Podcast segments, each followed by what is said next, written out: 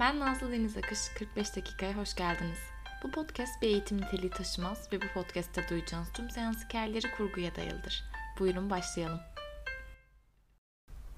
Tekrar hoş geldiniz.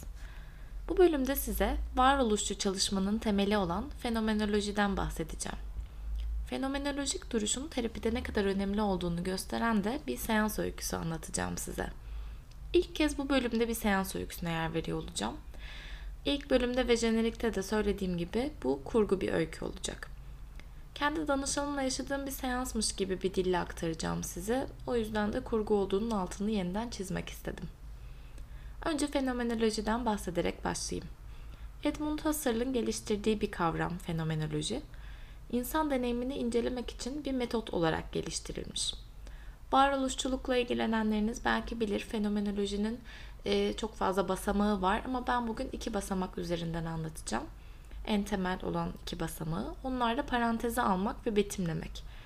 Paranteze almak dediğimiz şey aklımızda oluşan varsayımlarımızı rafa kaldırmak demek.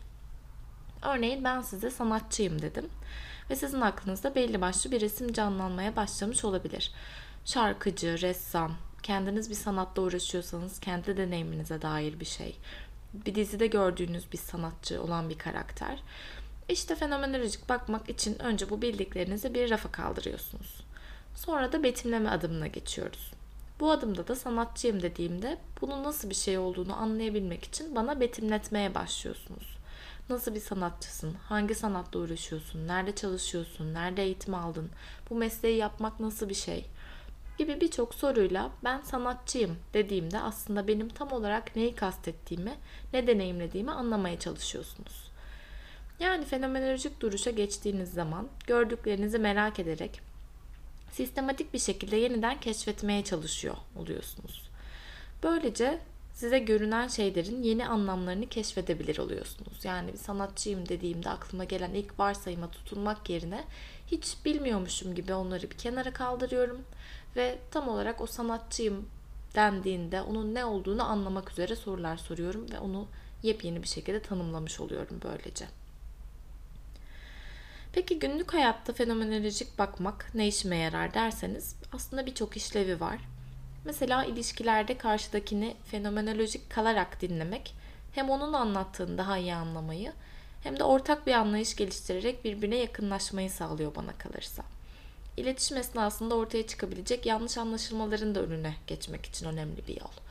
Mesela karşınızdaki kişi üzgünüm dediğinde sizin kendi bildiğiniz veya yaşadığınız üzüntüden farklı bir şey deneyimliyor olabilir o kişi. Ama sizin aklınızda belki belli bir e, tip üzüntü uyanıyor. Ağlamasını bekliyorsunuz mesela ya da o gün yaşadığınız belli bir şeyden dolayı üzgün olabileceğini düşünüyorsunuz. Oysa ki onun deneyimi tamamen farklı olabilir. O yüzden o deneyimi bildiğinizi varsayıp geçmektense üzüntü nasıl olur hiç bilmiyormuş gibi yaklaştığınızda çok farklı bir şey ortaya çıkar. Karşınızdaki üzüntüsünü nasıl yaşıyor? Üzüntüsü nereden kaynaklanıyor? Üzgün olduğunda ona ne iyi geliyor? Bu sorularla onun deneyimini daha iyi anlayabilirsiniz. Kendinizle kurduğunuz ilişkide de fenomenolojik olmak bence çok önemli. Neyi kastediyorum? Mesela bir iç sıkıntısıyla uyandınız bir sabah. Sebebini bilmiyorsunuz. Havaya baktınız, kapalı olduğunu gördünüz ve hava kapalı ondandır dediniz. Yani bir varsayıma bağlayıp orayı kapattınız ve böylece kendinizle yakınlaşma fırsatını kaçırmış oluyorsunuz aslında.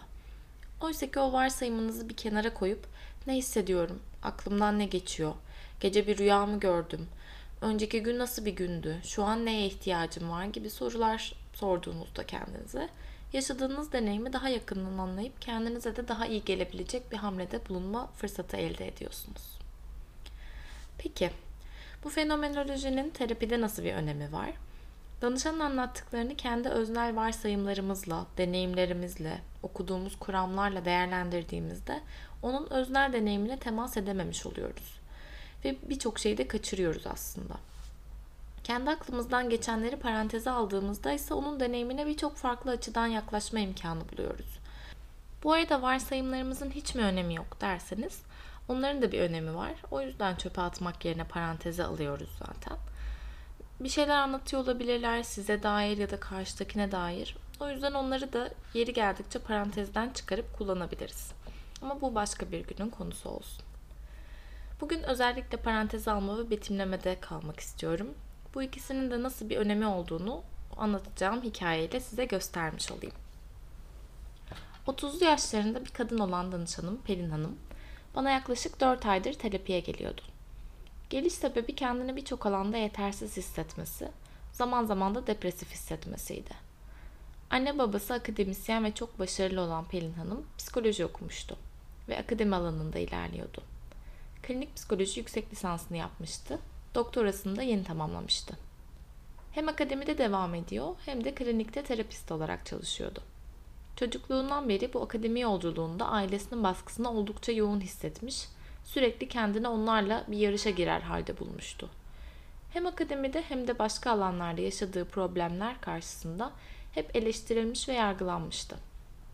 Kendini çok desteksiz, şefkatli bir yardımdan uzak hissettiğinden seanslarda ara ara bahsediyorduk. Bir seansta Pelin Hanım bir arkadaşıyla yaşadığı bir meseleyi anlatıyordu. Arkadaşının anlattığı bir konuya çok sert bir tepki vermek üzereyken kendini durdurduğundan bahsetti. Bu da konuştuğumuz konulardan biriydi. Pelin Hanım ne zaman ağzını açsa yargılayıcı, eleştirel, onun deyimiyle sert bir söylem içinde buluyordu kendini. Bu esnada seansta aklında hemen bir varsayım belirdi. Kendisi hep yargılandığı, eleştirildiği için kendisi de çevresindekilere böyle bir yerden ilişkileniyor diye düşündüm içimden. Bu arada şunu not düşmek isterim. Danışanların da zaman zaman kendilerine dair varsayımları oluyor. Onları da hemen tutunmak yerine aynı şekilde paranteze almak gerekiyor. Ki hemen neden sonuç ilişkisi kurup orayı kapatmayalım. Ve bu seansta da tam öyle oldu. Benim aklımdaki varsayımım danışanın da aklında beliren bir varsayımdı. Bence ben hep ağzımı açtığımda özellikle annem tarafından eleştirildiğim için ben de böyle cümleler kurmaya alıştım. Ne zaman biri bir şey anlatsa eleştiriyorum. Başka türlü cümle kurmayı bilmiyorum, dedi. Olabilir evet bu bulduğu bağlantı önemli. Benim de aklıma bir benzeri gelmişti ama buradan birkaç adım atıp geri atıp anlama ihtiyacımız olduğunu düşündüm. O yüzden bu varsayımı biraz açmaya başladık. Çağrıştırdıklarını konuşmaya başladık ve bugün seansa getirdiği olaya geri dönmek istedim. Önce bu arkadaşını sorarak başladım. İlk kez bahsettiği bir isimdi. Arkadaşıyla ilişkilerini ve arkadaşının nasıl biri olduğunu anlamaya ihtiyacım vardı. Arkadaşıyla ilişkileri ilkokul birinci sınıftan beri devam ediyordu. Her zaman çok yakın bir ilişkileri vardı. Birçok şeyi paylaşırlardı. Hatta birçok ilişkisinin aksine danışanın kendini yargılanıyor hissetmediği nadir ilişkilerden biriydi.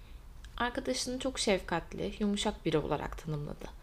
Neler yapıyor onun hayatı nasıl dediğimde arkadaşının işletme okumuş ve bir süre kurumsal şirketlerde çalıştıktan sonra terapist olmak istediğine karar vermiş olduğunu anlattı. Bir üniversitede yüksek lisans yaptıktan sonra terapistliğe başlamıştı. Terapistliği tırnak içinde veriyorum. Çünkü terapist veya klinik psikolog olmak için yüksek lisans yapmış olmanız yeterli değil. Danışanı da bir terapist olarak bunu çok iyi biliyordu. Tüm bu yeni bilgilerin ışığında o gün yaşadıkları olayı sordum. Arkadaşı ne anlatıyordu ve danışanım ne diyecekken kendini tutmuştu. Arkadaşının yeni başladığı iki haftalık bir eğitim alıp nasıl farklı bir terapi çeşidinde de terapi vereceğinden bahsettiğini söyledi. Pelin Hanım'ın da dilinin ucuna gelen şey bunun doğru bir yöntem olmayacağı, arkadaşının terapistlik yapacak yeterli eğitime sahip olmadığı ve bunun danışanlara zarar verebileceğiydi. Ama bunları söylemek arkadaşını kırabilirdi çünkü bir şekilde bunları çok sert söyleyeceğine inanıyordu ve yargılayıcı olmak istemediği için de susmuştu. Evet muhtemelen sert söyleyecekti çünkü o seans fark ettiği üzere arkadaşına öfkeliydi. Kendisine yıllarca emek verdiği, hala da vermeye devam ettiği mesleğe arkadaşı kolayca ulaşmaya çalıştığı için çok öfkeliydi.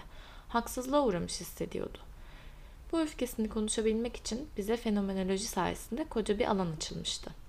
Eğer en baştaki varsayımımıza tutunsaydık, danışanım hep eleştirildiği için herkese eleştiresi geliyor deseydik, bu yaşadığı öfkeye, haksızlığa uğramış olma hissine hiç temas edememiş olacaktık. Ve danışanın bunları görme işine de temas edememiş olacaktık. Bastırıp kendini eleştirel olmakla suçlamasına da temas edememiş olacaktık aslında.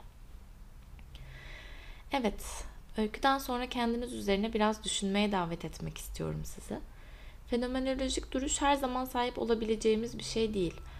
Hayatın içinde doğal duruştayız ve öyle de olması gerekiyor. Her an her şeyi sorgulayarak, her şeyi ilk kez görüyormuş gibi deneyimleyemeyiz. Kendimiz için de böyle, kurduğumuz ilişkilerde de böyle. Ama e, arada bir de fenomenolojik duruşa geçmeye alan açmak önemli bence. Gerçekten ne oluyor diye araştırmak zaman zaman çok önemli. Bu kendi kendinize yapması kolay olan bir şey de değil bu arada. Terapide daha çok mümkün bir hale geliyor bu araştırmayı yapmak. Sizin de acaba sıkıca tutunduğunuz bu böyle, bu bundan dolayı dediğiniz varsayımlarınız var mı kendinize ait? Acaba yakından baksanız neler çıkar altından? Sizi bugün bu sorularla bırakacağım. Haftaya görüşmek üzere.